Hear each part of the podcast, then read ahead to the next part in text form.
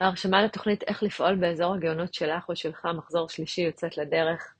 אחרי שעקבתי את ידה מקרוב לשני המחזורים הראשונים, אני חייבת להודות שזה מרהיב לראות אנשים שמתקלפים לתוך עצמם, מפסיקים להשתנות וסוף סוף מתחילים להיות הם עצמם, בטבע שלהם, באלמנט שלהם, באזור הגאונות שלהם, ואז הקסם קורה. אין התוכנית כזאת, היא משלבת שלושה רכיבים. האחד זה רכיב אינטלקטואלי, גוף ידע, שבו אנחנו ממש לומדים את המכניזם שלנו ברמה הפסיכולוגית, ברמה התרבותית, באופן מובנה. הרכיב השני הוא רכיב רגשי, פרטני, שבו אנחנו ממש עושים עבודה מול אסטרטגיית החיים ששרטטנו לנו כשהיינו ילדים, מול ה-DNA הערכי שלנו, החזון שלנו, התשוקות שלנו. והשער השלישי, הרכיב השלישי, הוא הרכיב הגופני, מדיטציות, ריקוד חופשי, סשן שלם של rebirthing. שלושת הרכיבים האלה מובילים אותנו להתחיל אה, לעקוב אחרי שביל האבנים הצהובות בדרך אל עצמנו. אז uh, אתם יותר מוזמנים, באתר שלי יש את כל הפרטים, danaרגב.com, איך לפעול באזור הגאונות שלך או שלך, אתם יכולים להשאיר פרטים, אנחנו כמובן נחזור לכולם. מתרגשת להכיר אתכם. ברוכים הבאים לפודקאסט של מעלה בטוב, אני דנה רגב, מאמנת יוצרת תוכן ומרצה. אם יש משהו שמשותף לכל בני אדם, זה שאנחנו מאוד אוהבים לדעת מה עומד לקרות. אנחנו זקוקים ליכולת להתנבא, וכשזו נלקחת מאיתנו, הוודאות נשמטת ואנחנו בסכנה. העניין הוא שהתפתחות מתרחשת באזורי אי-הוודאות. העניין הוא שמצב אי-ודאות, בין אם אנחנו מחבבים אותו או לא, הוא המצב הקבוע בחיים. ואם זה לא היה ברור במשך מיליוני שנות קיום, אז העידן האחרון ממחיש את הרעיון טוב מכל עידן אחר, הכל משתנה. הכל מתמהר. נדמה שבתקופה האחרונה נשמטה מכולנו היכולת להבין איך יראה העתיד שלנו בכל רמה שהיא. ובזמן שאנחנו מתקשים לעלות למעוף הציפור ולראות את העולם מלמעלה, מגמות כבר מתרחשות, רעיונות תופסים אחיזה, והעתיד מתעצב ממש עכשיו, בהווה. אז מה אפשר להבין מהכאן ועכשיו על מה שיהיה פה?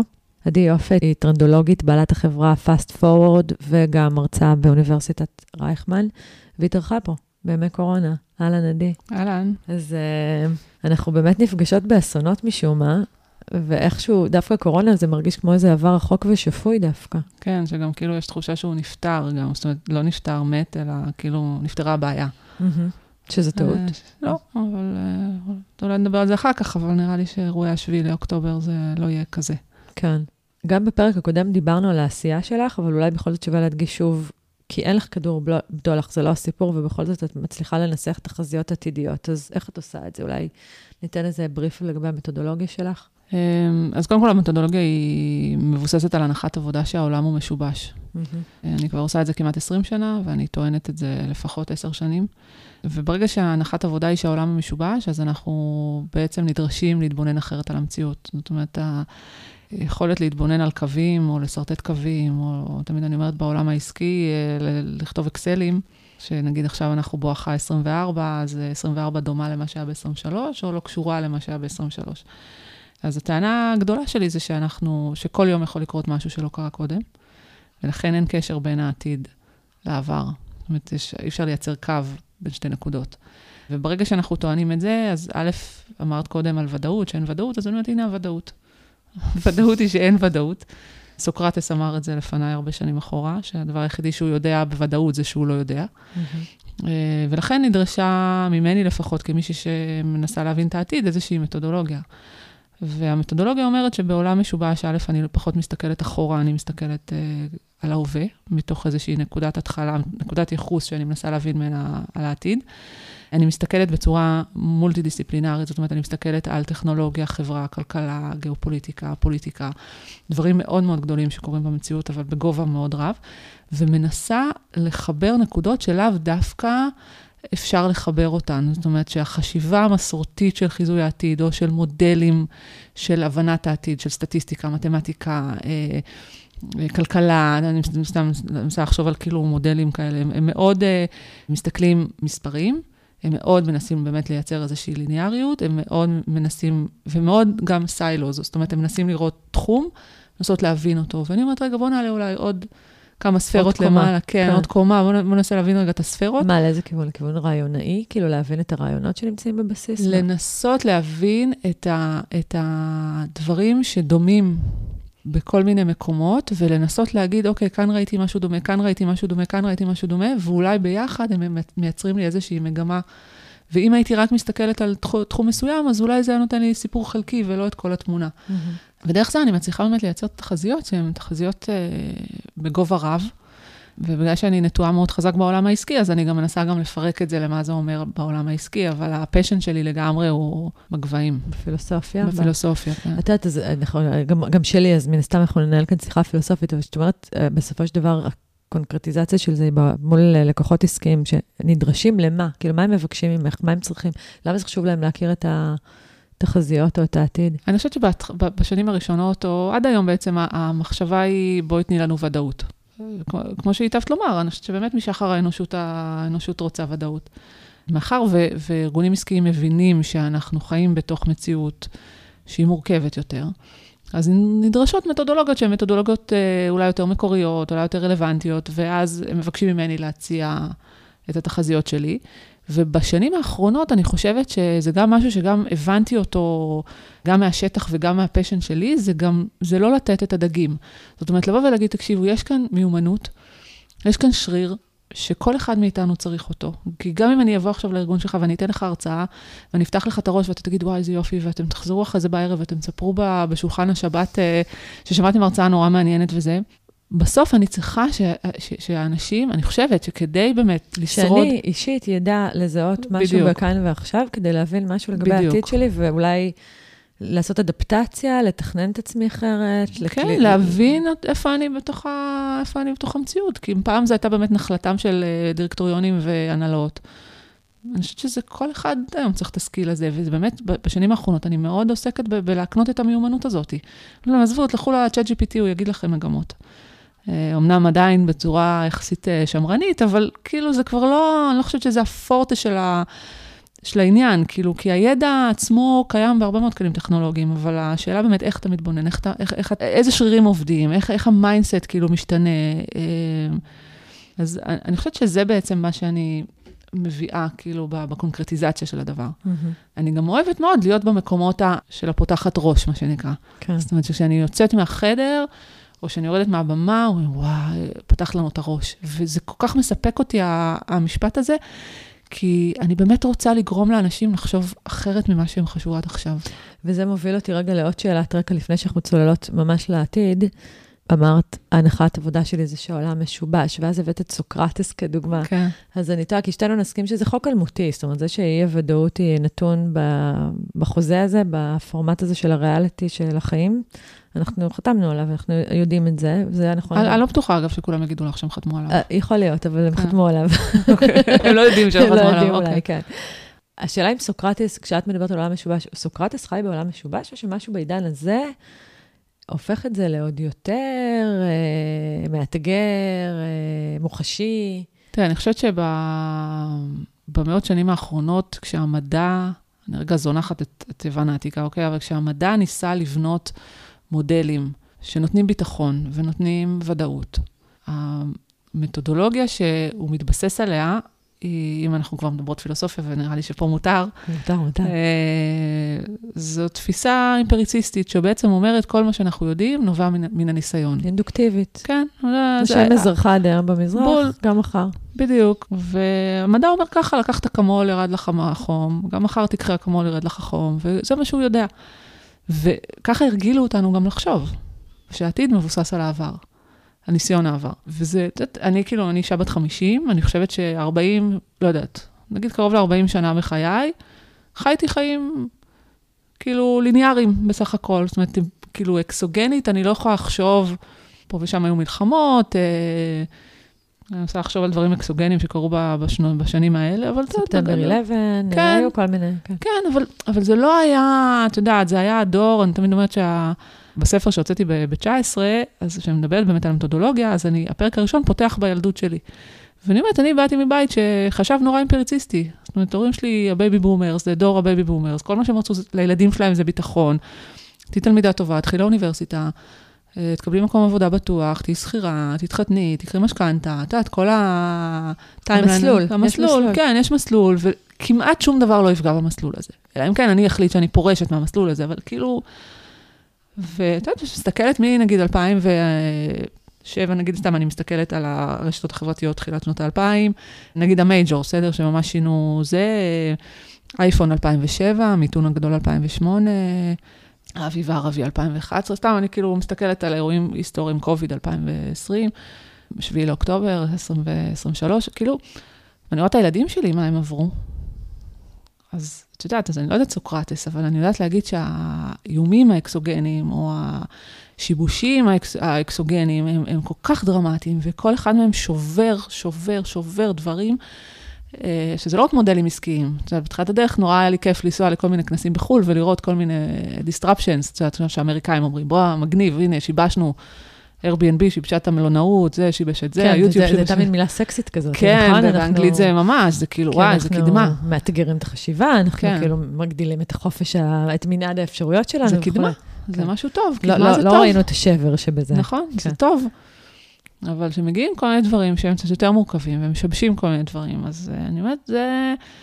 אז קודם כל, זה לא מתנהג כמו שזה התנהג. כן, האינטרוולים הצטמצמו כן, מהותית. קצרו. כן.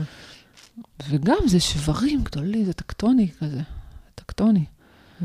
ואני חושבת שאולי כדי אפילו, אני אגיד, לחלץ את עצמי בתוך האירוע הזה, גם בנפש וגם במקצוע, אמרתי, רגע, בואו נתבונן על זה שנייה, ונראה מה קורה פה. ו... ואז אמרתי, לא, אז בואו נ... האימפריציזם פחות עובד לי עכשיו. בואו נלך על הרציונליזם, כאילו, על התבונה, מה קורה לי עכשיו, מה המוח מבין, את יודעת, כזה, ו... ועם זה באתי לעולם. זאת אומרת, את אומרת שהמהלך שלך הוא לא רק מבוסס על אמפירי, על הצפייה שלך בהווה, יש לך גם מהלך שהוא... אני אומרת, הוא לא מבוסס על העבר, הוא כמעט לא מבוסס על העבר, הוא כן מבוסס על, על, על דברים שקורים בהווה, הוא כן מבוסס לא רק על מספרים, זאת אומרת, אני גם מסתכלת כן. על תופעות שקורות במציאות שהן לאו דווקא אפשר לכמת אותן.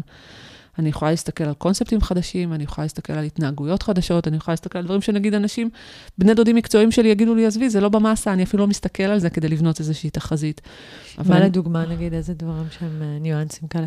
אז, אז נגיד, העולם העסקי אפשר לתת המון דברים. אני יכולה להסתכל על, לא יודעת מה, מהלכים שעושה אמזון, נגיד, רק ב-20 חנויות, או רק ב-10 חנויות בארצות הברית. אז את יודעת, אז במאסה של הדבר, זה לא מעניין. ברמה של עכשיו בואו נשנה מודלים, שופרסל לא תשנה מודל עסקי כי אמזון, את יודעת, אבל, אבל אני אומרת, רגע, אולי יש פה איזה משהו מעניין, אולי דווקא ההתחלה הזאת היא מספרת לי איזשהו סיפור על איזשהו צורך שמתהווה, אולי שווה רגע להסתכל על זה, אולי שווה... והחיבור הזה עם המון המון דברים שרק מתחילים, הוא בעיניי הרבה יותר אה, מעניין ומסקרן ולא טריוויאלי, ואני יכולה פתאום לחבר אותו עם דברים שכבר התחילו. אני חושבת שזה קצת כמו... יצירה כזאת, של כן. ציור כזה על קנבס גדול. אז העולם משובש. את, את זרקת משהו שאותי מעניין, את כאילו עברת על כל האירועים, ה, ה, נגיד, משבשים הגדולים, המשמעותיים שקרו בהיסטוריה שלנו, כשאנחנו חיות בהיסטוריה הנוכחת שלנו. ואת הכנסת פנימה גם את השבעה באוקטובר. כן. ואני תוהה אם אנחנו יכולים לייחס את זה למשהו שהוא עולמי, או שזה... מופע שמתקשר למגמות עולמיות, או שאנחנו פשוט נורא נורא קרובות וחיות כאן, אז זה נראה לנו נורא גדול. זו שאלה מצוינת, כי לפני שבועיים, שלושה, הצגתי את התחזית החדשה שלי ל-24, ואחד ה... אני מתארת שם איזשהו תהליך, שבטח נתעכב עליו תכף, אבל אני אומרת שהתהליך הזה מתערער ב-7 לאוקטובר, ואז אנשים אמרו לי, לא, אבל זה ישראל, את ישראלית, את, את יותר מדי מעורבבת בישראל, ואני אומרת להם, לא, זה התחלה. אנחנו עכשיו, כישראלים, אנחנו חווים איזושהי התחלה שבעיניי הוא טרנד עולמי, ויהיה מעניין כאילו לראות איך הטרנד הזה משפיע, כי גם כשקרתה המלחמה האיומה הזאת, זה מיד השפיע על אירופה ועל ארה"ב. כן. לא ככה, אבל זה מיד כאילו העיר כל מיני דברים שעד אותו רגע אף אחד לא נגע בהם. באופן כזה. וגם אז... לפני כן, בשנה הזאת ולפני המלחמה, אפשר היה להסתכל על מה שקורה כאן כחלק ממגמות שקורות באירופה וארצות הברית לגמרי. בשנים האחרונות. לגמרי, אנחנו ממש חלק, אם את מדברת על האקטיביזם הפוליטי, העולם המקוטב, זה חלק... וגם על קריסה דמוקרטית וגם על קיטוב שקורה לגמרי, בקרב... לגמרי, חלק ממה שקורה בעולם המערבי. לצערנו או לשמחתנו, זה, אנחנו בטרנד. אז עכשיו אני נותנת לך את הבמה. כאילו, בואי, בואי נתחיל להסתכל ממעוף הציפור על, על מה קורה. באיזה עולם אנחנו חיים עכשיו ולאן את צופה את פנינו? הלאה. אז אני בעצם מתבוננת על השנים האחרונות כאיזשהו תהליך שבו אנחנו התרחקנו מהמציאות עצמה. עכשיו, יש לזה כמה ביטויים, כמו שתראי, תכף תראי את החשיבה החוצת קטגוריות. אז הכי טריוויאלי זה להגיד, אוקיי, אני במסך, יש לי טכנולוגיה, אני יכולה לעשות דברים באופן וירטואלי, הם לא ממשיים, הם לא פיזיים, ואני גם מכורה למערכת היחסים הזאת, כי היא באמת מקצרת לי טווחים, והיא חוסכת לי כסף, והיא חוסכת לי זמן, ובחיים אני לא אחזור לעשות דברים פיזיים, כי זה חבל על המאמץ שלי. אז מתפתח איזשהו תהליך של התרחקות מהדבר עצמו, זאת אומרת, מהמציאות, מלגעת בדברים, מלעשות אותם בעצמי. יש עכשיו טכנולוגיה, זה רחוק, זה, זה, יש תיווך טכנולוגי וזה, אז זאת התרחקות אחת. את יכולה רגע להמחיש את זה? למה את מתכוונת? אני יכולה לחשוב כאילו במושגים של uh, קניות, שאני פחות הולכת לחנויות? כן, אז עוד? נגיד זה, את יכולה להגיד, אה, וואי, לא בא לי, לא נעים לי עכשיו להיות איתך באיזשהו ויכוח, אז אני פשוט אשלח לך וואטסאפ ואני אגיד לך מה אני חושבת עלייך. mm-hmm. מרחוק, ואנחנו לא באמת נתעמת בעולם האמיתי. או שאני רוצה להיפרד ממישהו, ולא, את יודעת, אצל הצעירים זה כזה רווח, אז לא, זה לא, לא בפנים. בואו אני אסלח לך את זה בוואטסאפ, וכאילו איזו התרחקות כזאת שמאוד נוחה בסך הכל, כאילו, יותר נוח לי לכתוב לאנשים אה, בוואטסאפ דברים, יותר נוח לי אה, להיות בווייז מאשר לפתוח מפה באוטו. אה, יותר נוח לי, לא יודעת מה, לראות נטפליקס עכשיו בבית מאשר ללכת לקולנוע. זה כאילו התרחקויות כאלה שאפשר להבין אותן, אני משחקת במשחק הזה בדיוק כמו כולם. אבל לאט לאט גם מתרחקים עוד דברים, זאת אומרת, כל האלימות ברשתות, כל התגובות האלה, כאילו, פתאום זה כבר לא להתעמת אחד על אחד, זה כאילו, את יכולה לקלל ולהביע דעות מאוד מאוד קשות בסושיאל, אף אחד לא יודע מי את, מה את, ואת כאילו... לא בא במגע עם, ה, עם האדם השני. ואתה גם לא חווה את הפגיעה שלו. ואתה גם לא רואה את הפנים, גם אתה לא רואה את כן. הפנים, ואתה לא רואה מה, מה, mm. מה קרה שם, וכאילו התרחקות כזאת היא טכנולוגית, בזכות הטכנולוגיה, או לא, לא יודעת איך לקרוא לזה. ו, ואז מתחילה התרחקות בכל מיני רמות, למשל, יש התרחקות מעובדות, למשל. זאת אומרת, הנה, יש לי טכנולוגיה, ראיתי עכשיו משהו, אני לא יודעת אם הוא נכון או לא נכון. אני לא יודעת אם זה דעה של מישהו, אם זה עובדה, מאיפה זה נלקח, אם זה נבדק, אם זה לא, כאילו הפייק ניוז מתחילות, ואני מתרחקת מהדבר עצמו, כאילו, אני לא באמת מבררת.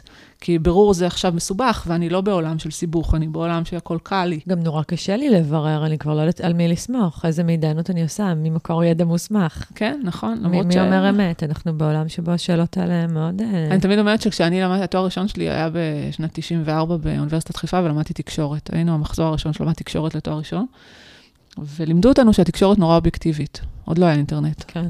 בארץ לפחות. ו... ואנחנו רואים בשנים האחרונות ש, שכבר כל עיתונאי מזוהה עם איזושהי עמדה פוליטית. כבר לא בעולם שמתווכחים בו על דעות, מתווכחים על עובדות. אנחנו יכולים לראות שני ערוצים שמדווחים נתונים שונים לחלוטין על, על, על מספרים. כן, וזה, וכאילו, מתרחקים כזה מהעובדות, והכל כזה נהיה שטחי. ואין מקום למורכבות גם של סיטואציות, כי אני רק ב-0 או 1, ב-0 או 1, ב-0 או 1, אני בעד או נגד, אני בעד קפלן או נגד קפלן, אני בעד ביבי או נגד ביבי, כאילו אין, אין מקום למורכבות, כאילו, של שום דבר, ואז אני גם מתרחקת ממורכבות, אז אני גם מתרחקת מהמציאות, ואני גם מתרחקת מעובדות, ואני גם מתרחקת ממורכבות, ואני גם מתרחקת מלדבר על כל מיני דברים שלא נעים לנו לדבר עליהם. ואני אנסה להגיד את זה בצורה בלתי שיפוטית, ואני אספר איזה סיפור ש... אני מספרת אותו כשאני מנסה להגיד את זה בבלתי שיפוטי, אני יושבת בבית עם הבת שלי בת ה-14 ועם חברה שלה, ואנחנו אוכלות צהריים, ואני מדברת על מישהי שאני מכירה מאוד קרוב, שאין לי בעיה להגיד לה דברים או משהו, זה לא שאני מרחלת על מישהי, ואני אומרת משהו שקשור לאיך שהיא נראית. והבנות שתיהן קופצות ואומרות לי, אמא, אסור להגיד את זה, זה דימוי גוף. ואני כזה, מה זאת אומרת אסור להגיד את זה? אסור להגיד את זה. ואמרתי, ואוקיי, ואם הייתי אומרת, התכונה הזאת בנגד, כאילו, את יכולה להגיד על מישהי משהו, ואז והפוך, אני יכולה להגיד, לא, לא, אסור, אסור להגיד את זה, זה דימוי גוף, אסור לדבר על זה. וואו. ויש כל מיני דוגמאות כאלה, שאסור לדבר על דברים, שזה כאילו אם את מדברת עליהם, את נחשבת פרימיטיבית, או את נחשבת לא פרוגרסיבית מספיק, או לא מתקדמת מספיק, או שזה שיח שהוא לא ראוי לעת הזאת לדבר בה. ואני חושבת שזה גם איזה סוג של התרחקות מלדבר על דברים שאולי לא נעימים לנו. כן, יש איזו חוויה של השתקה. כן. שהיא קורית בכל כך הרבה רבדים. כן, ו- וכאילו גם הלא נעים הזה, לא נעים לי. אוקיי, אז לא נעים לך, אז זה לא קרה כלום, אז לא נעים לך, אז בואו שנייה נדבר על זה, שלא נעים לך, כאילו, בואו נהיה רגע ברגע הזה, הלא נעים, כאילו, לא הכל צריך להיות אפי אפי וכזה לבבות אדומים בוואטסאפ. כן, כאילו... זה גם לא משנה את המציאות כשלא מדברים נכון. עליה, אגב, לפעמים זה מקבע אותה. לגמרי, ויש איזה צמצום כזה של שיח דווקא, ולא בשם הפרוגרס, כאילו, אז דווקא בואו נרחיב את הדיון, בואו... ואני מתארת את התהליך הזה, כמו שאתה רואה, אני לוקחת אותו מכל מיני אזורים, ו... בשנה שעברה, בדצמבר של שעברה, אני עולה לדבר על התחזית שלי של 20, בעצם בואכה 23. ואני לא מדברת על כל הדברים האלה, אבל אני כן מדברת על עולם מקוטב, ואני מתארת ב, ב, באות, באותה סיטואציה, אני אומרת, תקשיבו, העולם המקוטב, כמו שאמרת, בכל העולם המערבי, שני הצדדים גם, יש לנו שני צדדים שנמנעים מקונפליקט בעצם. הם נמנעים מקונפליקט, אנחנו כאילו לא מדברים, אנחנו... אנחנו pushing to the acquired. כן, כאילו... נורא נוח לי לשכנע את המשוכנעים. בדיוק, בואו בוא נלך לקפלן, נהיה עם אנשים כמוני. אבל בואו רגע נהיה עם הצד השני ונבין את ה... בואו נבין את המורכבות, בואו נדבר על הדברים שלא נעימים לי, בואו נעשה את כל הדברים, בואו נגע במציאות, בואו נעשה את כל הדברים, לא. וכאילו, כשאנחנו מתחילים את 23, היא, היא, היא, היא בעצם ביטוי של כל התהליכים האלה. וזאת תחזית שמבחינתך את רואה אותה ממעוף הציפור, לא רק לגבי ישראל כן, כמקרה פרטי, זאת אומרת, זה משהו שאת מסתכלת עליו, היא מבחינתי משרתת את כל העולם המערבי. אני אגב, בתחילת 23, סוף 22, אני, אני אומרת שאני הולכת לראות, אנחנו נראה המון אקטיביזם במהלך 23, זה היה עוד לפני קפלן, קפלן היה חודש אחרי התחזית הזאת, או התחילה בימה המטריות, ואז... ואני מתארת את זה שגם זה נהיה במבנים שאני קוראת להם גילדה 2.0. זאת אומרת, אני אומרת, האקטיביזם הזה יבוא קבוצות, קבוצות, קבוצות, שיפעלו למען השגת המטרה, כל אחד, אגב, בצד שלו, מה שבאמת קרה ב-23. ובשביעי לאוקטובר, אם אני כבר יכולה להגיד את זה, מה שקורה לנו זה שנכפה עלינו חיכוך. כל הדבר הזה היה הימנעות מחיכוך. חיכוך עם העובדות, חיכוך עם המציאות, חיכוך עם דעות, חיכוך אה, עם, הר... עם הצד השני, חיכוך, חיכוך, חיכוך, אין חיכוך, אין, אנחנו בהימנעות, אנחנו בפיק של מאסלו, אנחנו בוחרים אם ללכת לברבי או לאופנהיימר, כאילו זה הדבר הכי שמעסיק אותנו, אין, אין שום דבר רע בעולם, הכל לוי דווי. ובשביעי לאוקטובר נכפה עלינו החיכוך האלים הזה, האכזרי הזה, הנוראי הזה, שיש לו השלכות מקומיות, אבל אני רגע רוצה להסתכל עליו מהגבוה, ולהגיד, זהו, נכפה חיכוך, זהו. הנה המורכבות של הסכסוך הישראלי-פלסטיני, הנה בואו נדבר על הדברים שלא נעימים לנו, הנה כולנו יחד, גם הצד הזה וגם הצד הזה עכשיו נלחמים ביחד בעזה. הנה המציאות, הנה, boots on the ground, הנה המציאות, הנה כל הדברים האלה, אף אחד לא ביקש את זה, אף אחד לא פילל את זה, זה אסון נוראי שקרה לעם שלנו, ממש. אבל מבחינתי, כשאני מתבוננת על זה מלמעלה, כל ה-avoiding הזה שדיברנו, כאילו ה-avoiding, כאילו הימנעות הזאת, מ- מ- כל הזמן להישאר בסייף זון, כאילו, של החיים ושל המציאות וזה וזה, זהו, אין, זהו. אין, הטכנולוגיות לא עזרו לנו, הוואטסאפים לא עזרו לנו, זה לא עזר, כלום, זהו, אין, אין מה לעשות. כדי להתפתח, ואני חושבת שאמרת את זה בהתחלה, כדי להתפתח, צריך חיכוך. וזה מה שאנחנו חווים עכשיו, בצורה אכזרית, בלתי רגילה. ולאט לאט החיכוך הזה, אנחנו נראה, אני מאמינה שאנחנו נראה אותו גם במדינות אחרות. זאת אומרת, בצורה כזאת או אחרת, אני לא יודעת להגיד, אני לא... זאת אומרת, אם אני שומעת אותך נכון, את אומרת, הרי בסופו של דבר, אנחנו שותפות למחשבה שפרדיגמות ורעיונות הם קודמות, קודמים למציאות, נכון? ואז בסופו של דבר יש אה, מופע. המסך מציג את מה כן. שבראנו כן. במחשבותינו, בתודעתנו, בתפיסותינו וכולי. ואת אומרת שלהימנעות הזאת, לפוליטיקלי קורקטיות הזאת, כן. לאופורטוניזם אולי, לקצת איגנורנס, נכון? קצת אדישות כזאת והתעסקות כן, בנו. הימנעות, הימנעות, את יודעת, כאילו לא אוקיי. נעים לי לגעת, לא נעים לי. יש בסופו של דבר, היא יצרה בסופו של דבר התהליכים שהמשיכו לרכוש מתחת לפני הקרקע, הגם שלא ראינו, וכשכבר נפגשנו איתם, זה היה שכבר, כאילו כמו שפותחים בקבוק אה, שנוער מלא מלא זמן. זה פיצוץ. זה פיצוץ. כן. במקרה שלנו הוא פיצוץ פיזי, קונקרטי, כן. אסוני. רב נפגעים. רב נפגעים, כן. ו-ongoing, אנחנו עדיין בתוכו. כן, בלי חיסון. כן. אפרופו קוביד. זה לא קורונה. זה לא נכון, קורונה. אנחנו לא קוראים אותה עכשיו בשתי ידיים. קורונה היא שיבוש אקסוגני, שהייתה בעיה, נמצא פתרון, כזה. פה זה, החיכוך הזה, הוא כואב בצורה בלתי רגילה. הוא כואב, הוא פצע, והוא שבירה של קונספציות, והוא כאילו. כמה יהירים. מי אנחנו? יודעת, זה, זה, אנשים שאלו אותי על התחזית הזאת, אם היא השתנתה לי ב... כי אני מתחילה לכתוב אותה כזה בקיץ. בגדול, לא כותבת לעצמי נקודות והתייחסויות וזה וזה, ו... והשנה הזאת ככה התעסקתי עם ה-AI, והסתכלתי על הבינה המלאכותית והשפעות, וכל הזמן ראיתי כל מיני טקסטים וכל מיני כאלה, ואני אומרת, איזה יהירות. מי אנחנו שנחליט שאנחנו בונים שאנחנו מעל הדברים, שאנחנו מעל המין האנושי, שאנחנו יודעים לעשות דברים יותר טוב. אה, אה, כל הזמן האתגר הזה להיות כל כך יהירים, וזו יהירות דומה, גם בהקשר הזה, כאילו, אה, לנו לא יקרה כלום. אנחנו מעל זה. יש לנו סייבר. כן, יש לנו סייבר, ויש לנו 8200, והנה הטכנולוגיה. יש לנו חומה, בדיוק... כאילו, שיש כן, לה... והנה הטכנולוגיה ש... שלא נוגעת במציאות, כאילו, כן, עצמה. צריך טנקים פתאום. כן, בדיוק, צריך טנקים. ויהירות ש... שאומרת, אני באמת רוצה, ואני רגע חוזרת להתחלה של הדברים שלך, אפילו של הוודאות. אני כל כך רוצה ודאות. אני כל כך רוצה להאמין שאני ב peak של מאסלו, ושאנחנו מדינה דמוקרטית קפיטליסטית שחיה בשפע, וזאת הוודאות שלי, וכל מה שישבור לי את הוודאות הזאת, אני אעיף אותו מה, מה, מהתודעה שלי. כן, אני לא אסתכל על זה. ברור. זה לא ה cherry picking שלי. נכון, לא זה לא, לא מתאים לי, אני, אני, אל תפריעו לי עכשיו, אני, אני בחלום. אני בחלום, ואני חושבת שהרבה פעמים בשיבושים, ואני באמת מכירה את זה המון המון שנים, כשאני מדברת על עולם משובש, באמת עשיתי מאות הרצאות בחיים שלי, עשרות אלפי אנשים, ואני רואה את התגובה הזאת פעם אחר פעם, כשאני מדברת על שיבושים. ואני אומרת דווקא, הנה, אני נותנת לכם כלי, קחו, שחקו איתו. אנשים בהתנגדות מטורפת. זה מפחיד. מפחיד שיבוש, אתה לא רוצה לראות אותו. זה לא אצלנו, זה... זה אצל האמריקאים. לא, זה לא בתחום שלי, זה ב, ב, ב, אצל אלה. לא, כן, זה לא... זה כאילו שאת יכולה להבין את זה, אני חושבת על עצמי בשנה האחרונה, אני רגע אציף את זה בפנייך. השבעה באוקטובר הוא באמת איזה קליימקס, אני מקווה שזה, אגב, הקליימקס, אני מקווה שאין לנו עוד אה, כזה, עוד, עוד אה, פיצוץ שמחכה ואורב, שזה הכי שיש, אבל... כל השנה הזאת הייתה שנה מאוד מאוד קשוחה של מפגש עם המציאות, של מפגש עם... אה, ודווקא בשנה הזאת, אולי אני, בתפיסה שלי לפחות, אני בודקת איתך, דווקא הייתה תחושה שקצת התחלנו לצאת מה... האני העצמי הזה, ה-what's in it for me, זאת אומרת, התחלנו דווקא להסתכל החוצה. כן, היה אקטיביזם, יש אקטיביזם כן. כבר כמה שנים, הוא מקבל כל מיני תצורות.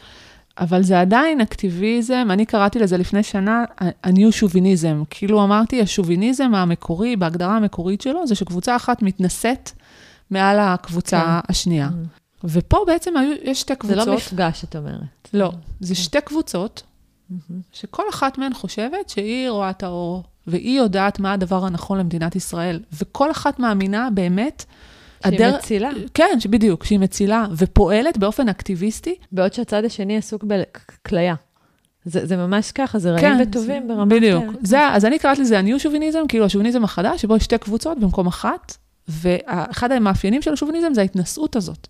אלה מתנשאים מעל אלה, ואלה מתנשאים מעל אלה, וכל חושב שהוא, שהוא פרימיטיבי, שהוא לא מבין, וזה שהוא... וזה חדש, עדי, או שזה כאילו הטבע שלנו כבני אנוש? את יודעת, אני מנסה לחשוב אחורה, אני יכולה לחשוב על כל מיני אירועים בהיסטוריה שבהם בני התרבות הזאת היו בטוחים שהם עליונים על פני זאת, וכך, כל התרבות שלנו, אז כבר עשרת אלפים שנות, היא מאוד לוחמנית, כוחנית ויהירה. אז, אז תראה, אני, אני לא יודעת להגיד לך, אני כאילו פחות היסטוריונית, ולכן אני כאילו מעדיפה לדבר על הביטויים, בגלל שיש רשתות חברתיות. ובגלל שכמו שאמרתי, אנחנו נמנעים ממורכבות. וגם האלגוריתם מראה לנו את התיבת תעודה שלנו, אז זה 0 או 1, 0 או 1, 0 או 1, אז, זה מתקבע ככה. אז כאילו כן עבדנו למען המדינה, אבל זה כל אחד בזה שלו, זה כל אחד ב... כאילו נשמע לי שמה שאת אומרת, אני כזה שומעת קצת מעבר למה שאת אומרת, אני בודקת איתך, שיש איזה אפילו אולי הגדלה או העצמה של האלמנטים שכן יכולים להיות טבועים באנושיות שלנו, אבל הם הפכו להיות הרבה יותר קלים. אני אסביר. הרגשות שלנו הם כלי שליטה. נכון? אם את תזעמי, או אם אני אעשה שתזעמי, או אם אני אעשה שתשנאי, אז אני אוכל כן. לנתב את הרגש הזה, זה אנרגיה, זה, זה משאב. לטובת יציאה למחאה, לטובת מלחמה, לטובת כל מיני כן. פעולות, אקטים.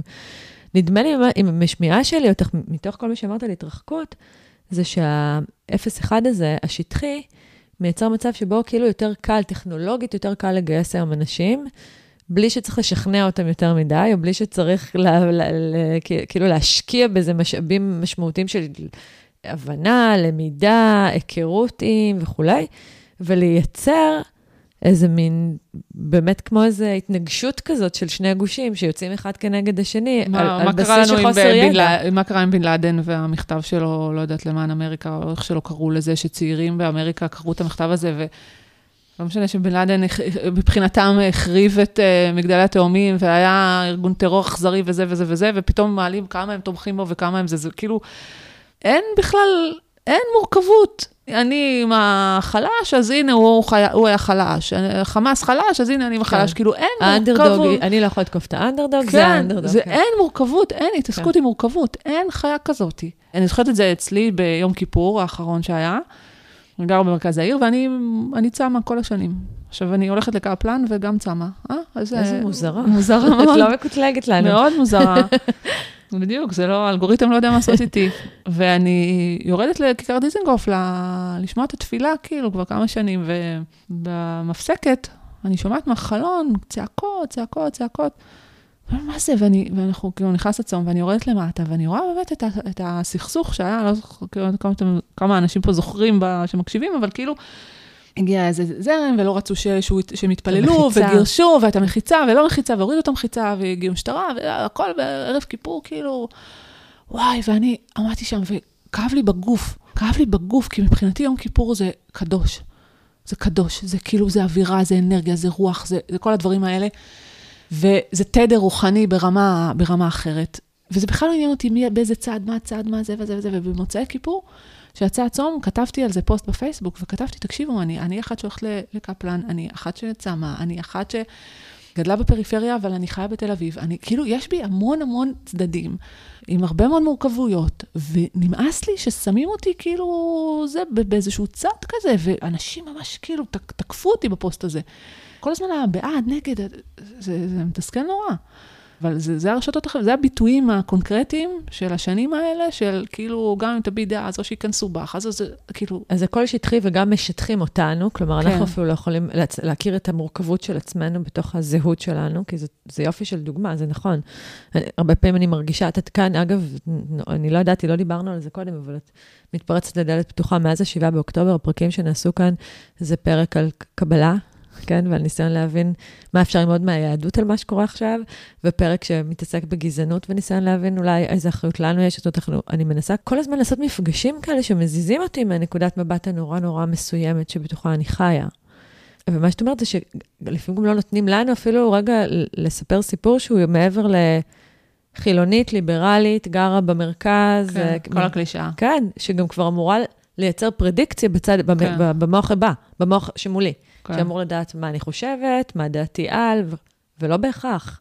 ו- וכמה אנשים רבו בתוך השנה הזאת, משפחות, אה, חברים, כאילו אם מישהו חושב לא כמוני, אז וואה, זה, הוא כבר לא חבר, הוא כבר לא זה, הוא כבר לא זה, זה, זה קשוח. אגב, כן. יש אה, סקר עולמי שאני מראה אותו בתחזית הזאת, שבכל העולם, אחוזים מאוד מאוד גבוהים של אנשים אומרים, אנחנו לא נעזור למישהו שהוא מהצד השני. עכשיו, לא תגידי מהצד השני, וואו. אה, אויב שלך. אויב. כן. בתוך. בתוך הקהילה. בתוך, כן. לא יעזור, לא רוצה לעבוד איתו, לא רוצה לגור איתו, לא כזה. ברמות האלה. מה זה, זה צדקנות, זה טהרנות אה, מוסרית? תראי, זה קיטוב איום ונורא, שמתוחזק על ידי הטכנולוגיה, ובעצם אין חיכוך עם הצד השני. אין חיכוך עם הצד השני, אתה, אתה לא, אתה לא, אנחנו לא רואים אותם, אנחנו לא שומעים אותם, אנחנו לא מקשיבים להם, וכשאנחנו רואים אותם אז זה ישר או שופרות, או זה, או, כאילו, זה, המוח כבר מבוסת כאילו ל, לפסול את, ה, את האופציה. ואני חושבת שמה שיקרה, בגלל החיכוך הזה של השביעי לאוקטובר, שהוא לא רק החיכוך האלים, המלחמתי, אלא חיכוך עם דברים, זה בלתי נמנע. זה איזושהי חזרה, אני קראתי לזה Future of Humanity, כאילו החזרה לאנושיות, העתיד של האנושיות, דווקא בתקופה של AI, דווקא בתקופה של מלחמות. הרי מי היה מאמין שתהיה מלחמה, מלחמת רוסיה-אוקראינה? אתה תחשבי על זה כאילו לפני כמה שנים, פתאום מגיעה מלחמה, עם כל המשמעויות של מלחמה של פעם כן, כזה. כן, אגב, זה... הנבואה, כאילו, לפחות של אה, פרופסור נוח הררי, אמרה שבין שתי מדינות עם מקדונלדס לא תהיה מלחמה. נכון, והנה. נכון. ו- כן, ו- ו- ואף אחד לא האמין לזה, וכאילו משהו בחזרה הזאת לבייסיק, זה איזשהו בעיניי, איזשהו... אה, חיפוש או איזשהו רצון שנכפה עלינו, כי אף אחד לא באמת רוצה מלחמה, אבל נכפה עלינו כדי אולי להחזיר לעצמנו משהו מההתרחקות הזאת. ששנייה, בואו נברר שנייה, מה... להתקרב? להתקרב, לחפש את המקור האמין, אמרת קודם שאין אין, אין מקור, מאיפה אני אדע מה נכון ומה לא נכון, לחפש את המקור האמין. אגב, בגלל זה, מבחינתי, דניאל הגרי הוא חלק מהייצוג הזה. כן. הוא, הוא, הוא הדמות הזאת שאתה, שאני אומרת, אוקיי, קודם כל הוא אנושי. כן. בוא נחפש אנושיות, הנה הוא אנושי. אני, אני ממש יודעת כבר לזהות במימיקות שלו, של הפנים, שהוא לא איזה דמות אמריקאית קלאסית כזה, בלי מימיקות בפנים, שעושה את הפיץ שלה, כאילו ממש רואים שם את האנושיות. רואים שם אנושיות של טעינו, סליחה, טעינו. אה, דברים שאנחנו בכלל לא מכירים. כן. כן, שקיפות, אנחנו בכלל לא מכירים את זה, את- השיח הזה, את הצורה הזאת. תמיד אנחנו צוחקים על השאלות, אבל, אבל הנה, מישהו שואל, יש לך שאלות, אני מוכנה, מוכנה לענות. אני מוכנה לעמוד פה ולענות, וזה שאלות קשות. הוא עומד בזה. אני, אני כאילו, אני מסתכלת מה דוץ עושה ב, בכל מיני בסושיאל וזה, ואני, ממש לפני כמה ימים ראיתי שממש אמרו לאנשים באינסטגרם, תשאלו שאלות ודובר צה"ל יענה לכם. ואני אמרתי, אה, בטח הם ייקחו את השאלות הקלות. והוא עמד, והציגו לו שאלות, והיו שאלות קשות.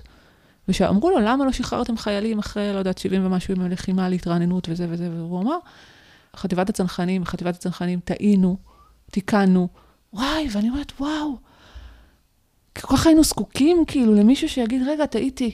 כן, שלא יזלזל באינטליגנציה שלנו. כן, ש, שזה אז, משהו... אז מה את אומרת, שהוא נגיד דוגמה למגמה שאת מזהה? כן, למגמה של אה, מקור אמין. את יודעת, זה, זה מתקשר הרי למה שאנחנו לא, לא אמרנו אותו במילים, אבל הוא מרחף מעל השיחה הזאת. הרי יש אובדן מאוד משמעותי של אמון, נכון. שהוא שהוא כבר קורה, לא, אני לא חושבת שהוא התחיל עכשיו, גם לא השנה. אגב, הוא עולמי.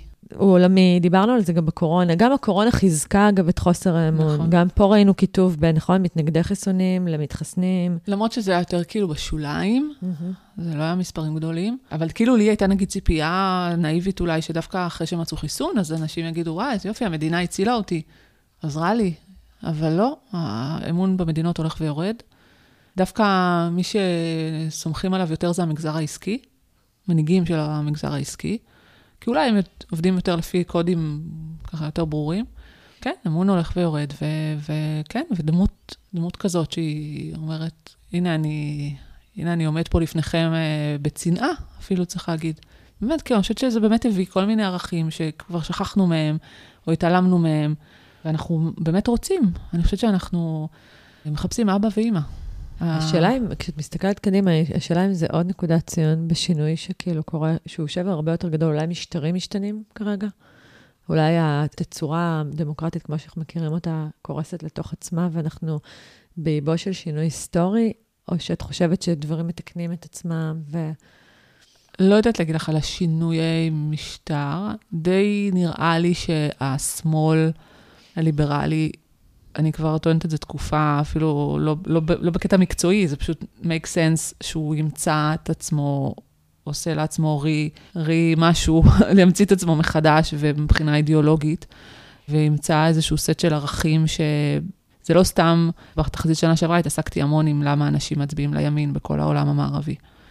זה לא סתם שאנשים מצביעים לימין, כי בשנים שיש לך חוסר אמון, וטכנולוגיה משתלטת, ושום דבר לא ברור, והגבולות לא ברורים, וכל הזמן מוכרים לנו שאנחנו עולם גלובלי, אבל לא בטוח, אני לא בטוח שאני בטוחה. מישהו חזק? כן, אז אני רוצה את הגבולות מישהו ברורים. חזק שמדבר גם, שגם פורט על נימי הפחד? זה נכון הזיהוי? שבעיקר, אני חושבת שבעיקר מציב גבולות ברורים, אפילו פיזיים. גבול פיזי, שאומר, רגע, זה פה הגבול ביני, וזה כזה, בכל דבר. כשעולם המשפחה, הוא יכול להיות המון המון דברים, אז יש אנשים שזה אה, לא נעים להם, הם רוצים משפחה כמו שהם מכירים. כן, ו- יכול להיות שגם באמת הליברליות הזאת היא נורא מבלבלת. היא יכולה להיות מאוד מבלבלת, ויש יש- יש זרמים שאומרים, אני לא, אני לא רוצה את זה. כמו, ש, גם, כמו שאמרתי לך קודם, אני יכולה להגיד, יש דברים שלא מדברים עליהם, וזה מבאס אותי שלא מדברים עליהם. ואני מחזיקה מעצמי מישהי ליברלית. אה, וכשפתאום אומרים לי שבקליפורניה, לפני שנה משהו, רון דה סנטיס, שהוא המושל של קליפורניה, אמר, אני לא רוצה שתדברו על סוגיות מגדריות בבתי כן. ספר יסודיים. אני יכולה, אני יכולה להבין מה הוא אומר, ואני יכולה גם להבין למה אנשים מתחברים למה שהוא אומר. מהלכים אחרים שקרו בקליפורניה אה, היו ש, אה, שזה לא חוקתי לעשות אה, שחרור בערבות. כי שכבות חלשות, אין להם כסף להשתחרר בערבות. אז בואו נשחרר את הדבר הזה. אז כאילו, זה יוצא שאתה באיזשהו מקום גם מגדיל פשיעה באיזשהו מקום, ומה שקרה באמת. ו... אבל כאילו לא מדברים, לא מדברים על זה, אבל כן מגדיל פשיעה. אז כאילו, כל מיני מהלכים שיכולים להלחיץ, או יכולים להיות לא נעימים, או ובגלל ההימנעות רגע מלהתעמק בדברים מורכבים שגורמים לחיכוך, אנחנו לא ניגע בהם. אז מי מביא את, את, את השינוי פה? כאילו, את אומרת, אנחנו, זה אנחנו, זה השטח שיביא אותו, זה, זה באמת, את נתת דוגמה של דניאל הגרי, זה, זה ארגון צבא, צה"ל, כאילו, עשה כן. בחירה כזו או אחרת. מאיפה יגיע השינוי הזה שמביא את ה... תראי, בפוליטיקה? בפוליטיקה אנשים מצביעים ימינה, ודי ברור למה הם עושים את זה. אז הם כן עושים שינוי, הם כן בוחרים מנהיגים מסוג מסוים, עם אג'נדות מסוימות. אני חושבת שהמגמה הזאת של עתיד האנושיות היא מגמה שתבוא לגמרי מהשטח. מנהיגים או בעלי תפקידים, כמו דניאל הגרי, מזהים אולי שזה מה שאנשים צריכים, ונותנים את המענה הזה. גם בפוליטיקה, אנשים יותר חמים, יותר אותנטיים, שינסו להתחבר לתוך הדבר הזה, ואולי להיבחר. העולם העסקי צריך לזהות את זה ולעשות עם זה מה שהוא צריך לעשות עם זה, אבל אני חושבת שפה זה לגמרי צורך קולקטיבי. החזרה הזאת למקום עם רגש, למקום אותנטי, למקום אינטימי, למקום עם גבולות, בעולם של פחד בלי גבולות, שיכולים להיכנס לי הביתה. זה, זה, אין פחד יותר גדול מזה, אני חושבת. והרצון שלנו ב... ב, ב אבא ואימא, שאבא ואימא זה לא רק הגנה פיזית, זה, זה גם איזשהו קומפורט כזה, שאני מרגישה סייף פה. כן, שאת מאמינה. שאני מאמינה. לא חושבת שנגדך. כן. כן. כל עוד זה לא מתרחש במציאות, אז אני אמצא לעצמי את המקומות ש... שנותנים לי את הדבר הזה. אני רוצה לתת, כאילו, תכף, אני רוצה גם לגעת ב-AI וכולי, כי זה מן הסתם, למרות שזה הפך להיות אה, כמעט אה, לא... לא, זה, זה גם חלק מהעניין. זה מלווה אותנו כן, בשנים הקרובות. אבל לפני כן, כשאת מדברת, אני מאוד שומעת, ואני כאילו לא שמעתי אותך אומרת את זה, ואני תוהה לגבי זה, עד כמה נשים, עד כמה זה עידן של מנהיגות נשית. כאילו, אגב, אנושיות וחמלה ורגש ו... תראי, זה לא סתם שנשים במלחמה הזאת, הן... זה פשוט פנומנלי מה, מה שקרה במלחמה הזאת. ואני באמת חושבת שזה, שאנחנו חושבות אחרת. וכאילו העולם הצבאי והמדינתי ובטח בממשלה הספציפית הזאת, שיש כל כך מעט נשים, ונשים בעמדות השפעה וזה, זה כאילו הכל נורא גברי, גברי, גברי כזה. ואני חושבת שדווקא משהו במחשבה שלנו בתור נשים, שהיא באמת, כמו שאמרתי קודם, גם, גם אני חושבת שכאשת מקצוע, גם מול קולגות שלי גברים, אני חושבת שאני מביאה הרבה מהחשיבה הנשית שלי, שחוצה את הקטגוריות, שרואה דברים רגע עוד לפני שהם קורים. אתה יודע, זה כמו שאנחנו רואים על הילדים שלנו, איזה רגע, היא הולכת להיות חולה, ילדה. את יודעת, כאילו, סתם, מאיך שהיא בושכת באף, אני יודעת להגיד את זה. לא צריכה. עכשיו ש... יש לך תפקיד כזה אבולוציוני. כן, ממש. כאילו, נכון. אתה בא עם קרינג. אז אני שואלת את זה, אני משתפת אותך, אני לא מזמן אה, נסעתי הרצאה שנכתבה כבר מזמן, אגב, לא בשנה האחרונה. אה, אני מאוד מאמינה בה כבר הרבה שנים, גם מההסתכלות, מהניסיון שלי לעלות למעוף הציפור. על מנהיגות נשית, ואני מדברת על זה לא ממקום פוליטיקלי קורקט, כי אנחנו שוות וכולי, אלא דווקא ממקום של חזרה רגע להיכרות עם התחלת האנושיות ולטבע, ו- וכאילו הסתכלות על פער שבין חברה קופית לחברה אנושית. דווקא mm. בחברה אנושית, האנשים במרכאות, אני אומרת כי זה, זה לא נעשה באופן מודע, אבל הם קעקעו את האלפא. זאת אומרת, בניגוד לחברה קופית, בחברה אנושית אין גבר אחד שהוא, כל, כל הצאצאים בלהקה הם, ה, הם צאצא, צאצאיו. התחרות על סקס נמחתה. Mm. דווקא בגלל העובדה שילד, תינוק, אדם, הוא דורש הכשרה מאוד גדולה וטיפול מאוד משמעותי, והוא חייב לפחות אבא ואימא. אז נשים באיזשהו מקום החזירו חזרה את הסיפור הזה, או הביאו לתוך האנושות את הסיפור הזה של קהילתיות, של סולידריות, של אי-תחרות, של קרינג, במובן הכי אבולוציוני, אני אפילו לא מדברת על, על uh, תפקודים uh, חברתיים. אני ממש שומעת את ה... כשאת מדברת על יומניטי, איזו בקשה כאילו, לא על חשבון גברים, לנשים להיכנס יותר פנימה למוקדי החלטה. ולהביא משהו בתפיסות עולם שאני חושבת שהן באמת קצת שונות. מעניין. הלוואי, כאילו, כן, את יודעת שאת מדברת, אז אני ככה רצה עם זה מאוד, לגמרי תכונות נשיות, אני גם מדברת על שיתופי פעולה, ו... למען מטרות וכל מיני דברים כאלה, שזה לגמרי נשים. נשים לגמרי יודעות לעשות שיתופי פעולה, ולא רק לחשוב על האגו של עצמן, ו... וגם הקרינג הזה, וגם אינטימיות, וסייף, וזה משהו כזה... והקשבה לרגש. כן, והקשבה כן. לרגש, כן. בעולם מאוד מאוד זכרי, מאוד, מאוד גברי. מלחמה זה מאוד גברי. מאוד. אז אה, כן, זה מעניין. לא חשבתי על זה שכתבתי את זה, אבל... אה, אני כאילו לוקחת אותך עוד צעד. את מדברת על, על האנושיות כמשהו ש... את מזהה אותו כבר בזמן הקרוב? כמשהו, זה נשמע, זה, כי זה נשמע, בא, בא לי מאוד, אה, את יודעת, להתערסל בתחזית הזאת. מזהה שהעולם הולך לכיוון כזה, או שזה מגמות ארוכות שנים? ו... זה גם וגם. זאת אומרת, זה נורא תלוי. מגמה, היופי שלה זה שהיא אה, מתחילה, היא לא מתחילה בכל הכוח בכל המדינות ובכל התחומים. זאת אומרת, יהיו לה תחומים, נגיד, אני חושבת שנגיד בקולינריה, או ברוח, בסדר? זה, זה כאילו אזורים שאפשר יותר לעשות דברים פיזיים, אינטימיים, קטנים, על חשבון הפקות ענק ו, וזה. אז אולי במקומות האלה נראה את זה ככה יותר. באזורים של שיתופי פעולה, אנחנו כבר רואים את זה. גם AI, אגב, יש מה שנקרא AI Alliance, שזה חברו יחד גאוני ה-AI כדי לעשות איזה משהו יותר responsible, כאילו של AI, יותר, עם יותר אחריות. אז יש אזורים שאני יכולה כבר לראות התחלות של הדבר הזה, אבל אני כאילו מנתחת את זה מהמקום של מה שקוראים בטרנדים מהמוטיבציות, זאת אומרת, למה שהדבר הזה יתחזק. והוא התחזק כי באמת אנחנו נמצאים באיזושהי נקודה שבה אנחנו אומרים, אני נורא רוצה להתחבר למשהו מוחשי שמעורר בי רגש. ולא רק אה, משהו אינסטרומנטלי. תוצאתי. כן, כן, לא רק, אוקיי, בואו ניסע מפה לפה, בואו בוא נזמין את הוולט, בואו נעשה את זה, כזה, כאילו, משהו קצת יותר עמוק. ו- ואני חושבת שאנחנו נתחיל לראות את זה עכשיו, זה, אצלנו אנחנו נראה את זה יותר מהר, כי בגלל המלחמה אסונית בישראל. בישראל. יהיה מעניין לראות באמת את התוצאות של הבחירות בנובמבר הבא בארצות הברית, מה האמריקאים רוצים, איזה סוג של מנהיגות. אגב, יהיה מעניין לראות אם ניקי היילי, למשל, תצבור תאוצה, זה, זה כן. מעניין. Mm-hmm. אני חושבת שהיא מביאה משהו מאוד מעניין. היא מאוד uh, מנהיגה, אבל היא גם לא מאבדת את הנשיות שלה. כן, אומרת, לפחות כן, מה... כן, שזה חשוב, כי באמת הרבה מהאנשים שנכנסו למוקדי כוח, כן, מיד חיכו, איבדו, חיכו כן. את, את, את, את המודל הגברי. כן, נכון. כן. וגם הסכסוך הישראלי-פלסטיני בהקשרים הרחבים שלו, לא רק אצלנו. באירופה, מהגירה, זה, זה כאילו, יו, to be continued, מה שנקרא. Mm-hmm. לא נגמר הסיפור הזה. וגם, אני חושבת שהחיכוך הזה בין, בין שני הצדדים אצלנו, שלאט לאט, בעזרת השם, תיגמר המלחמה מהר, והמילואימניקים יחזרו הביתה, זה יהיה מעניין לראות. אם זה יהיה כמו בזה של ארץ נהדרת, במערכון של ארץ נהדרת, של, אה, שהוא חוזר מהמילואים, ובשיחות סלון עדיין ממשיכים אה, לריב על ה... על קפלן, או שבאמת יהיה פתאום איזה חיכוך שיביא, יבנה פה משהו אחר. כאילו הבקשה של, הבקשה לאחדות נגיד, כן, כן. הבקשה להנהגה, כי אנחנו רואים בסקרים שרוב הישראלים היום מבקשים הנהגה שהיא מפייסת. אה, חוצה, כן, כן, היא חוצה כאילו, היא חוצה קטלוגים, היא חוצה... אני חושבת שהסנטימנט הוא לעבור מפוליטיקה של כתבים וקיצ... וקיצוניים לפוליטיקת מרכז. כן. לא מרכז על בסיס מה לא, אלא מרכז עם איזושהי אג'נדה, אבל כן, כן משהו... כן, מי, מי, כאילו, אנשים עייפים. זה בעינייך מגמת הנגד לתהליך הכיתוב כן. שאנחנו חווים בשנים? זה לא מגמת הנגד, זה כאילו השלב הבא של הכיתוב. זאת אומרת, הקונפליקט נכפה, החיכוך נכפה, והתוצאה שתהיה זה איזשהו חיכוך.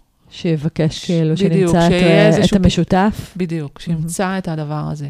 זה ההתפתחות, באבולוציה של מגמה, זה כאילו שלב בהתפתחות שאני מעריכה שזאת תהיה ההתפתחות. נלך רגע לטכנולוגיה, כי היא בכל זאת נמצאת שם, והיא גם משפיעה עלינו, היא מעצבת אותנו, היא לא, היא לא רק בשימושנו. הם, האם אימא של ה... כן, השפעות. זה נראה כאילו AI זה הדבר, כן. כאילו היום, שהוא בערך נכנס לכל תחום, לכל ענף, הוא הולך לעשות שינויים באמת מאוד משבשים, כנראה בכל תחום שאנחנו מכירים, עד כדי שקשה לנו אפילו, אני חושבת... זאתי נגיד מגמת הנגד של האנושיות. אז תספרי קצת, תגידי מה. זה זרם מאוד מרכזי בהתפתחות האנושית, זה, זה חלק ממערכת היחסים שלנו עם מה שנקרא טרנד הנוחות. זאת אומרת, אני לא, אני כבר הרבה שנים, כמישהי שחיה במציאות הזאת, היא אה, רוצה שהטכנולוגיה תעשה בשבילי דברים. ו... והיא כל הזמן הולכת ועושה בשבילי דברים, אז אה, היא מקצרת לי טווחים, והוולט, וה... הביט והבוקינג והנטפליקס ולא משנה מה, כל הטכנולוגיות האלה. ואז מגיע הג'נרטיב AI, בסדר, אנחנו עכשיו פוגשים את הדור הזה. והג'נרטיב AI בעצם אומר, כל מקצועות הידע מאותגרים על ידי היכולות של הבינה המלאכותית. אם אני רופאה, אם אני עורכת דין, אם אני מרצה באקדמיה, לא משנה מה. הבינה יש לה ידע יותר מכל בן אנוש. וזה משאיר אותי בצורה מאוד נוחה, זה מאוד נוח לי. מאוד נוח לי שיש לי את הכלי הזה, ואני עושה בו, והוא יודע הכל, ואני לא צריכה לחשוב ולתכנן ולשרטט, והנה, דיברנו על אה, מה נכון ומה לא נכון. אני יכולה להכניס בצ'אט ולשאול אותו, מה... תגיד לי את ההיסטוריה של הסכסוך הישראלי-פלסטיני, תוך שנייה יהיה לך את ההיסטוריה. הנה המקור האמין שלך. עכשיו, הדבר הזה, מעבר לשיבושים אני, המקצועיים וכל הדבר, זה, זה יש שם העניין של... זה ממשיך לי את מגמה שאני מסתכלת עליה כבר כמעט עשר שנים, ואני קוראת לה מגמת הפסיביות. זאת אומרת, ככל שאני... אני מתנוונת. מתנוונת, כן. פח... אני פחות זקוקה למיומנויות שלפני כן היו מאוד פעילות אצלי, כן. כמו לזכור מספרי טלפון, כמו, נכון. כמו שאת אמרת, ללמוד להתמצא במרחב. לא צריכה את זה. כמו ללמוד, ללמוד ללמוד. הבן שלי אמר לי לא מזמן שהוא לא מבין למה צריך אנגלית. והבן יש... שלי, בן 19, אמר לי שהוא לא הולך לאוניברסיטה בחיים. Mm-hmm. זהו, זה, זה כזה. אני יכולה להבין למה הוא אומר את זה. כן. ואני יכולה להבין למה הבן שלך אומר, לא צריך ללמוד, כאילו, למה אתה צריך ללמוד כל הדברים האלה, באמת. אז זה אירוע, שאגב, חלק מה, מהדבר שהוא מייצר, זה, יש דברים באמת בחיים שלי שאני לא רוצה להתעסק בהם. באמת לא רוצה להתעסק בהם, זה גוזל ממני זמן, זה, זה, זה לא אוהבת את זה, זה, זה, זה השקעה של זה. אני כן אשקיע את הזמן במקומות שאני יכולה לפעול למען מטרה טובה. זאת אומרת, אני, לכן אנחנו רואים באותן שנים גם גידול באקטיביזם. ובקהילתיות, נכון. כן, ובקהילתיות, ולפעול למען מטרות, וכל הדבר הזה, שהוא אזור שכרגע המכונות עוד לא יודעות לעשות אותו, אבל... אבל ואז בעצם אני, אני, אני תמיד אומרת שאנחנו כמו מנועים היברידיים, אני מנוע היברידי כזה, שיש לו שני מנועים. מנוע אחד שחי עם הטכנולוגיה ועושה את כל זה, וזה קצת בעיה, כי, כי כל מה שאמרנו עד עכשיו על האנושיות, בגלל הדבר הזה. אה, מצד שני, זה מאפשר לי ומפנה אותי לעשות דברים שבאמת חשובים לי. כמו אה, לפעול למען מטרות, לפעול למען העתיד המדינה שלי, כל אחד איך שהוא מבין כן, את זה. כן, גם אגב, למצוא את עצמי במקצועות או בעבודות שמביאות את האיכות שלי, ואני לא, כבר לא פועל יצור, אני לא צריך לעשות עבודה חזרתית, אני לא צריך לבזבז את הזמן על עבודות כן. שלא דורשות שיקול דעת. נכון, זה מגניב, זה, זה סבבה. האתגר הוא שככל שאת יותר מנוונת ויותר פסיבית, כמה אפשר לדחוף לך דברים, כאילו כמה תרצי באמת להתעמק בדברים, או לחקור דברים, או להמציא משהו, או mm-hmm. ליצור משהו, או כזה. ומה גם היתרון של אדם בתוך, אדם אנוש, כאילו איש אנוש, בתוך עולם כזה, של בינה מלאכותית. מה, למה צריך אותי? מה מותר האדם על המכונה? בדיוק. כל מקצוע וזה שלו. כאילו, זה יודע לתת דיאגנוזות יותר מכל מנהל מחלקה שניהל מחלקה בבית חולים 30 שנה. מה אני צריכה את הניסיון שלו? אז זה מערער סדרי עולם. כי אנחנו רגילים שהניסיון, הוא, יש לו ערך, והידע האנושי, יש לו ערך. וזה לא ילך לשום מקום. זאת אומרת, הם אומרים לי, לא, אולי נחזור אחורה, אולי נניח את הטלפונים. לא, אף אחד, תנוחו, אף אחד לא, אף אחד לא יניח את הטלפונים.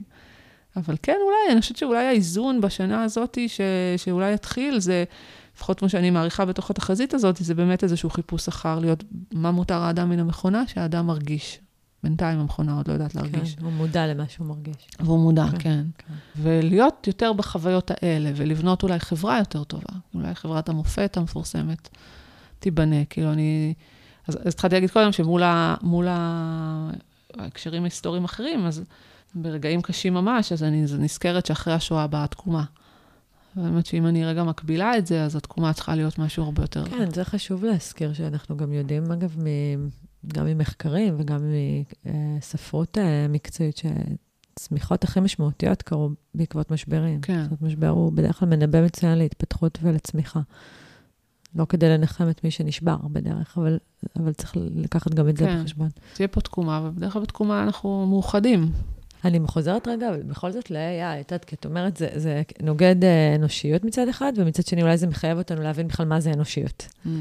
נכון? כאילו אמרת, אה, יש הרבה פונקציות בנו, שיכול להיות שה-AI ייקח, מה שיכריח אותנו לשאול, אז מה זה אומר להיות בן אנוש? אם זה לא היכולת שלי לצבור ידע, ואם זה לא היכולת שלי לדלבר ולייצר, אה, לא יודעת מה, תוצאות מסוימות, ואם זה לא היכולת החישובית שלי, ואם, אז מה זה כן? ואני כזה מתלבטת יחד איתך בכל רם. אני, החוויה שלי, אה, כנראה שגם מתוך הפריזמה שדרכה אני מסתכלת על העולם בשנים האחרונות, זה שמצד אחד קרו המון דברים בשם הקדמה. שהם באמת הופכים את החיים, כמו שאת אמרת, לנוחים יותר, נכון? הם אה, כאילו לוקחים מאיתנו את הלא נעים לי, את הסבל וכולי, ומצד שני אנחנו מזהים שהם גם מאוד פוגעים ב-well-being שלנו בלונגרן. אנחנו רואים שהרמות חרדה ודיכאון רק הולכות ועולות. הביטחון שלנו דווקא פוחת. היכולת של צעירים לקיים יחסים ואינטימיות פחתה. שליש מצעירי יפן כבר לא מקיימים סקס. זאת אומרת, יש כל מיני אינדיקטורים, מדדים, שמספרים לנו שמשהו ברווחה ובשגשוג שלנו דווקא נפגע. מול הדבר הזה של ה-well-being שלך, יש לך איזה, שלנו, יש איזו תחזית שאת צופה? יש איזו התעוררות בהקשר הזה? יש... אני לא יודעת, אני, אני כאילו, בא לי להגיד לך שאמן שהתחזית שלי של 24 תתממש, כי באמת החזרה הזאת לבסיס של האנושיות, אני, אני אגיד כאילו משהו קצת אישי, אבל אני חושבת שזה ייתן דוגמה לזה שלפעמים שאני ככה מסתובבת עם יוני, הבן זוג שלי, שהוא אבא של נעמה שנחטפה, ואנשים ככה רואים אותו, אז הדבר הראשון שקופץ להם, ואני רואה את זה הרבה, כי זו תקופה, אנחנו ככה, ו... אומרים לו, אפשר חיבוק? וזה הבסיס של האנושיות. זה כשהכול אה, בלתי נסבל, שום טכנולוגיה לא תעזור, שום איזה משהו מתוחכם להגיד, שום איזה אלגוריתם. כאילו... רק להיות שם. כן, להגיד חיבוק למישהו שאת בכלל לא מכירה. כן. זה אנשים שבכלל לא מכירים אותו. וכאילו משהו בנתינה הנורא הבסיסית הזאתי, ברגע הזה אפילו, שאני גם שומעת מהאנשים, אולי הוא לא רוצה לתת לי חיבוק, אולי, כאילו משהו ברגע הקטן הזה, זה, זה מדהים. אין שום פתרון אחר, יש רק חיבוק. כן, וואו, זה איזה יופי של insight. ו- ואני חושבת שזה זה מאוד, כאילו דווקא, כאילו המקום הזה שאנחנו בתחתית של מאסלו, לא בראשון ממש, כי עוד יש לנו קצת, אבל בשני, בביטחון, זה, זה הדבר הזה של ה... רגע, בוא, הנה בדיוק השאלה הזאת שאת שואלת. מה זה הדבר הזה של האנושיות? אז הנה, יש לך את כל ה-AI בעולם, ומה? כן, מעניין ממש מה שאמרת עכשיו. את אומרת, אולי העידן הזה מבקש מאיתנו לשים לב לזה שבסוף, עם כל החוכמה והידע והמדע והפרדיקציה וכולי, כל מה שאנחנו רוצים זה חיבוק. כן. כן. וכל מה שאנחנו יכולים לתת, אם אנחנו רוצים לתת את המטבע היקר ביותר שיש כן, שם, אולי זה המטבע היקר ביותר שיש לנו להציע. והנה החיכוך עם מישהו שהוא זר. לפני רגע הראיתי לך, זה נתונים מטורפים שאתה בכלל לא רוצה, אתה בכלל לא אכפת לו מאיזה צד פוליטי אתה. אתה בכלל לא רוצה להיות עם הבן אדם הזה, ואתה כזה, ופתאום חיבוק. כן. אני חושבת שזה מספר הרבה.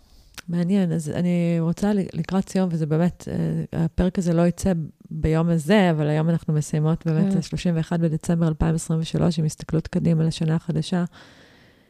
אנושיות, אם את פורטת את זה, את הביטויים של זה, מה זה אומר, אם אני יכולה בכלל, כאילו, להתחיל לנסח את זה, או אה, לפרוט את זה לפרוטות, מה זה אומר לגבי כל אחד מאיתנו כבעל עסק, כאדם, כאזרח במדינה?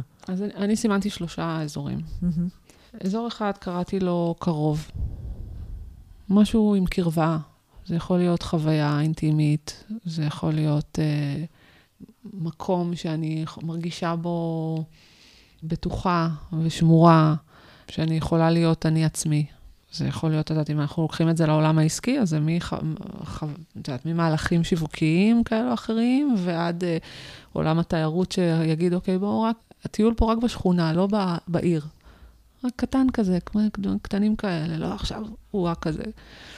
אה, או הקולינריה הזה, בדיוק הגיע מההר הזה, ומהשדה הזה, והכל כזה נורא ספציפי וקטן. הדבר השני זה מקור, קראתי לזה קודם מקור אמין, אבל נגיד באנגלית זה האוריג'ינל, כאילו האורגינליות. Mm-hmm. המקור ה... המקורי. המקורי, בדיוק. Mm-hmm. המקורי. ושם יש המון דברים, זה אה, מי הסמכות הזאת שאני מאמינה לה, זה יכול להיות אה, בעולמות של תוכן, אה, מה אני קוראת, איך אני קוראת, זה יכול להיות אפילו בעולם של מותגים, העולם של הקראפט.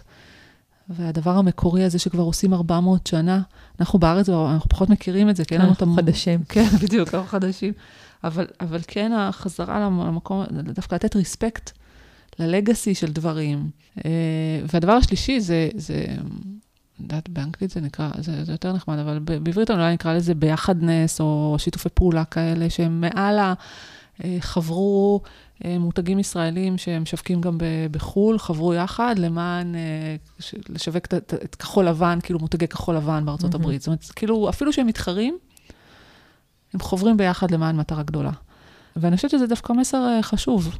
כאילו, יא, אוקיי, תורידו את האגו. קצת צניעות. כן, האגו ירד. כן, טוב, בואי.